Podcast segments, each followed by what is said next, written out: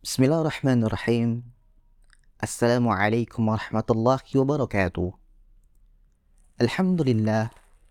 الحمد لله الذي هادى عباده بقصاص الغاربين وجعلها إبرة للتابعين إلى يوم الدين. والصلاة والسلام على سيدنا محمد الذي كانت حياته مملوءة بمكارم الأخلاق. ومحاسن الصفات وعلى آله وصحبه الذي اتخذوا سيرته نبراسا لنشر الدين. حتى وصلوا إلى جدار الصين شرقا وقلبه أوروبة غربا. معاشر المسلمين rahimani wa rahimakumullah Para ibu dan para bapak yang senantiasa dirahmati oleh Allah Subhanahu wa taala. Tidaklah kita mengucapkan rasa syukur yang paling tinggi kepada Rabb yang maha pemberi rizki yang maha pemberi nikmat yaitu Allah Subhanahu wa taala.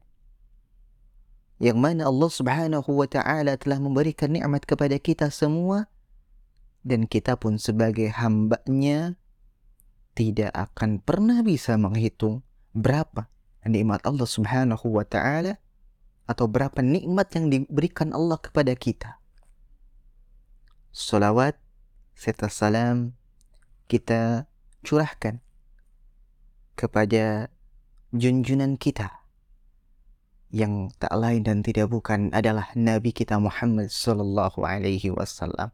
Begitu banyak sejarah yang mengatakan begitu banyak para ulama, para ustadz-ustadz, para kiai ataupun para ahli ilmu yang bercerita tentang perjuangan Nabi Muhammad sallallahu alaihi wasallam ketika beliau menyebarkan agama Islam ini. Masyarul muslimin rahimani wa rahimakumullah. Kita pembahasan kali ini akan membahas sejarah Nabi kita Muhammad sallallahu alaihi wasallam yang saya ambil dari kitab ringkasan Khulasatun Nurul Yaqin yang mana ini merupakan buku pedoman untuk murid atau siswa madrasah ibtidaiyah fi Saudiyah.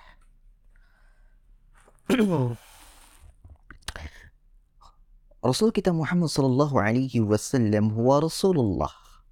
Dia adalah utusan Allah ila nasi kafatan kepada seluruh manusia seluruhnya tidak terkecuali baik itu yang dia beragama.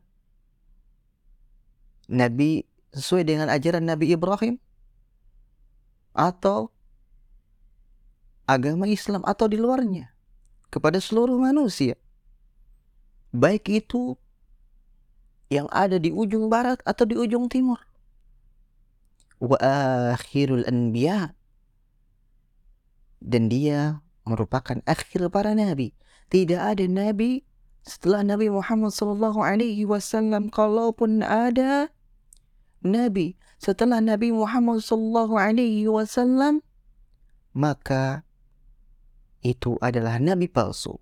Seperti yang terjadi di zaman sahabat Abu Bakar As-Siddiq radhiyallahu anhu yang namanya Musailamah Al-Kadzab la'natullahu alaih. Dia Musailamah Al-Kadzab mengaku sebagai nabi.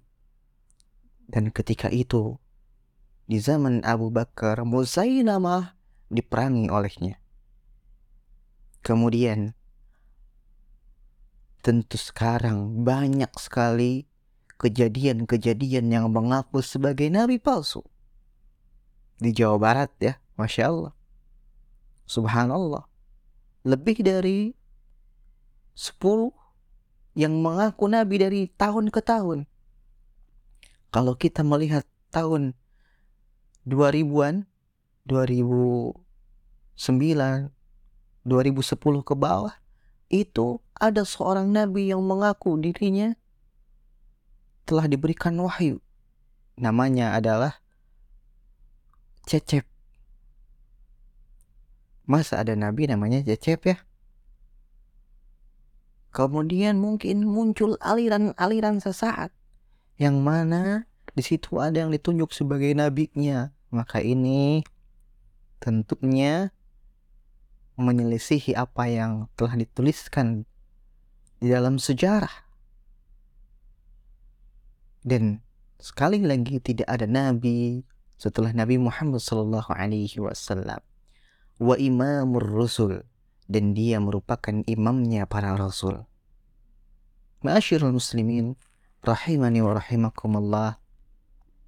Setelah kita mengetahui dia adalah utusan Allah kepada seluruh manusia, akhir para nabi dan imamnya para rasul, Nabi kita Muhammad sallallahu alaihi wasallam datang dengan membawa agama Islam jaa bidinil Islam alladhi la yaqbalullahu yawmal qiyamati dinan ghair. Yang mana agama Islam ini adalah agama yang diterima oleh Allah Subhanahu wa taala pada hari kiamat nanti. Allah Subhanahu wa taala tidak menerima agama tidak menerima agama selain agama Islam. Dan Rasulullah alaihi wasallam merupakan keturunan orang-orang Quraisy. Wahwa min nasli sadati Quraisy. Jadi dia dari suku Quraisy. Yang mana suku Quraisy ini, para bapak dan para ibu yang dirahmati Allah, yaitu asyrafu qabilatin fi Makkah al-Mukarramah. Yang mana merupakan apa? Kabilah yang paling mulia di Makkah al-Mukarramah. Kalau misalkan di Indonesia, kabilah atau suku ini bisa dimisalkan seperti Sunda, Jawa, Minang, Betawi, dan masih banyak suku-suku yang lain. Contoh kan kalau di Indonesia. Dan di Arab pun sama, ada beberapa suku-suku atau kabilah-kabilah. Dan Nabi kita Muhammad Sallallahu Alaihi Wasallam berasal dari suku Quraisy, yang mana suku Quraisy ini adalah asyrafu qabilatin fi Makkah al-Mukarramah suku yang paling mulia di kota Mekah al-Mukarramah. Ma'asyirul muslimin wa zumratul mu'minin rahimani wa rahimakumullah. Dan nasabnya Nabi kita Muhammad sallallahu alaihi wasallam apabila diruntut nih dari awal sampai uyut sampai ke atasnya uyutnya itu sampai kepada Nabi Ismail bin Ibrahim alaihi wassalam ini adalah penjelasan singkat awal tentang siapa itu Sayyidina atau Sayyidina Muhammad Sallallahu Alaihi Wasallam. Kemudian ayahnya adalah Abdullah bin Abdul Muttalib bin Hashim bin Abdi Manaf bin Qusay bin Kilab. Kalau misalkan kita runtut ke atas itu ada banyak silsilah. Abdullah, Abdul Muttalib, Hashim, Abdi Manaf, Qusay, Kilab, Murrah, ada sampai Ka'ab, Lu'ay, Fihr, Adnan sampai kepada Nabi Ismail alaihissalam. Dan itu ada semacam seperti syairnya yang mana kita bisa menghafal apabila kita ingin. Kemudian ibunya tentu kita sudah mengetahui adalah Aminah bintu Wahab atau Aminah bintu Wahbin Wahab bin Abdul Manaf bin Juhrah bin Kilab. Fatajtami'u ummuhu ma'a walidihi fi jaddihi al-khamis. Dan ayahnya dan ibunya ini apa? Bertemu di silsilah kakek yang kelima yaitu kilab. Walaqad tuwfiya waliduhu wa huwa fi batni ummihi wa umruhu samaniya ashrata sanatan wa dufina bil Madinah wa lam yatruk lahu syai'an minal mal. Jadi ayahnya ini wafat ketika Muhammad Shallallahu Alaihi Wasallam itu berada di perut ibunya. Dan wa umruhu thamaniya ashrata sana. Wa dufina bil Madinah. Dan dikuburkan di Madinah. Walam yatruk lahu syai'an minal mal. Ayahnya ini tidak meninggalkan sesuatu apa pun dari mana? Dari harta. Jadi ayahnya meninggal ketika Nabi Muhammad SAW Alaihi Wasallam masih berada di perut ibunya Ma'asyiral muslimin rahimani wa rahimakumullah. Rasul kita Muhammad sallallahu alaihi wasallam dilahirkan di kota Mekah pada hari apa? Ya, pada hari Senin. 12 Rabiul Awal tahun gajah. Pertanyaannya sekarang kenapa dinamakan tahun gajah bukan tahun 1999 atau misalkan uh, tahun berapa Masehi, sebelum berapa Masehi. Kita tahu sekarang nih. Kenapa dinamakan tahun gajah? Wasummiya amun wiladatihi amafil. Kenapa dinamakan tahun gajah? Pertama, karena dia dilahirkan pada tahun gajah. Lianna malikal habasyah arsala 'ama wiladatihi jayshan ila makkah lihadmil ka'bah wa fihi filun 'azimun fa ahlaqa Allahu liwiladatin Nabi Sallallahu Alaihi Wasallam. Jadi Malik Habasyah di sana ada seorang raja yang bernama uh, Abrohah yang akan menghancurkan apa? Ka'bah. Jadi Anna Malikil Habasyah arsala ama wiladatihi jaishan. Dia mengirim pasukan ila Makkah ke Makkah lihadmil Ka'bah untuk menghancurkan Ka'bah. Wa kana fihi filun azim dan di situ ada gajah yang sangat besar. Akan tetapi apa yang terjadi saudara-saudara? فأهلك الله جيشا إقراما لولادة النبي صلى الله عليه وسلم الله سبحانه وتعالى itu apa? Allah subhanahu wa ta'ala menghancurkan tentara-tentara Abraha dia membawa gajah dan bala tentaranya. Kalah dengan apa? Tentaranya Allah subhanahu wa ta'ala.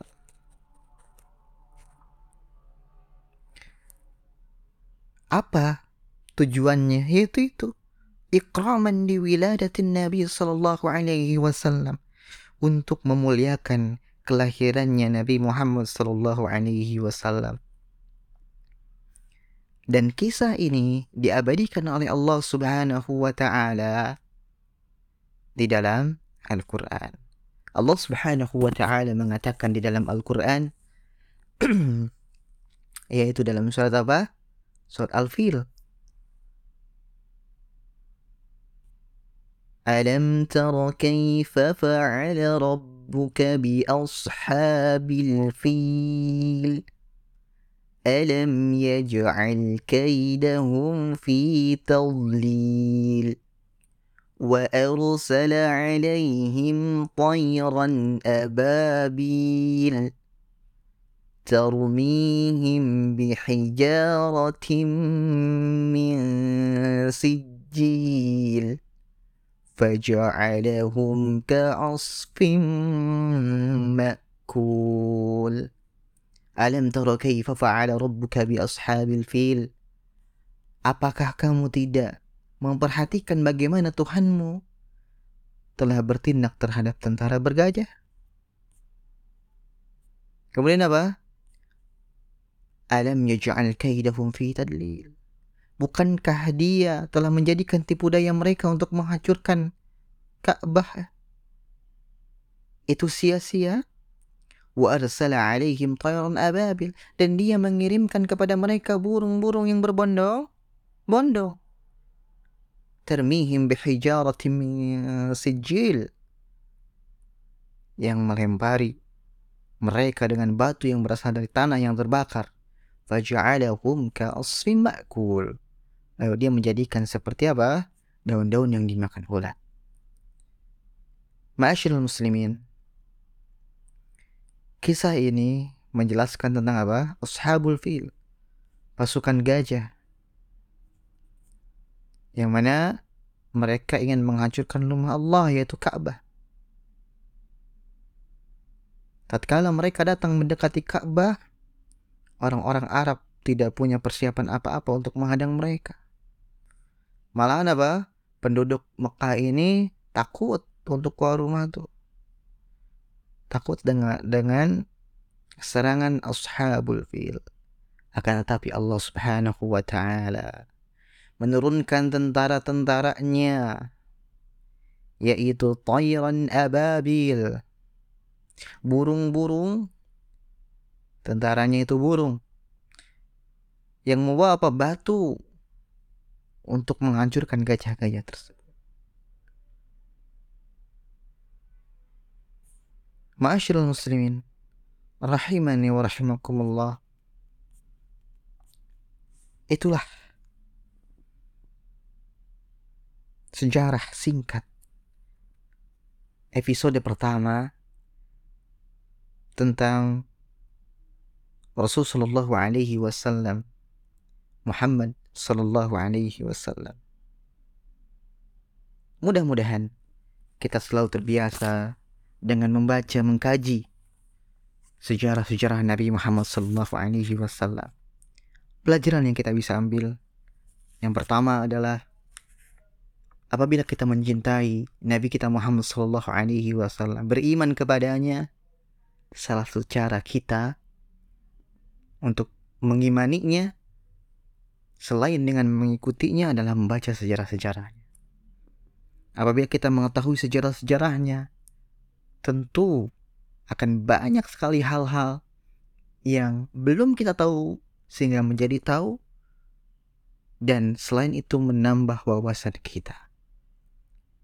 Sebagaimana dimisalkan seseorang misalkan mencintai pemain sepak bola sampai dia tahu tanggal lahirnya, tingginya berapa, nomor sepatunya berapa, dia mencetak gol sudah berapa kali. Bagaimana kita mencintai Nabi kita Muhammad kalau misalkan lahirnya aja kita tidak tahu hari apa, bulan apa. Ini perlu ditanyakan kepada diri kita sendiri apakah kita sudah benar-benar beriman kepadanya apakah kita benar-benar sudah mengikutinya, melaksanakan sunnah-sunnahnya, atau belum. Maka dari itu, yuk senantiasa kita membaca sejarah-sejarah terutama Nabi kita Muhammad Sallallahu Alaihi Wasallam dan juga para sahabatnya.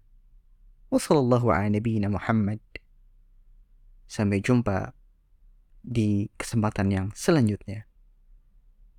والسلام عليكم ورحمة الله وبركاته.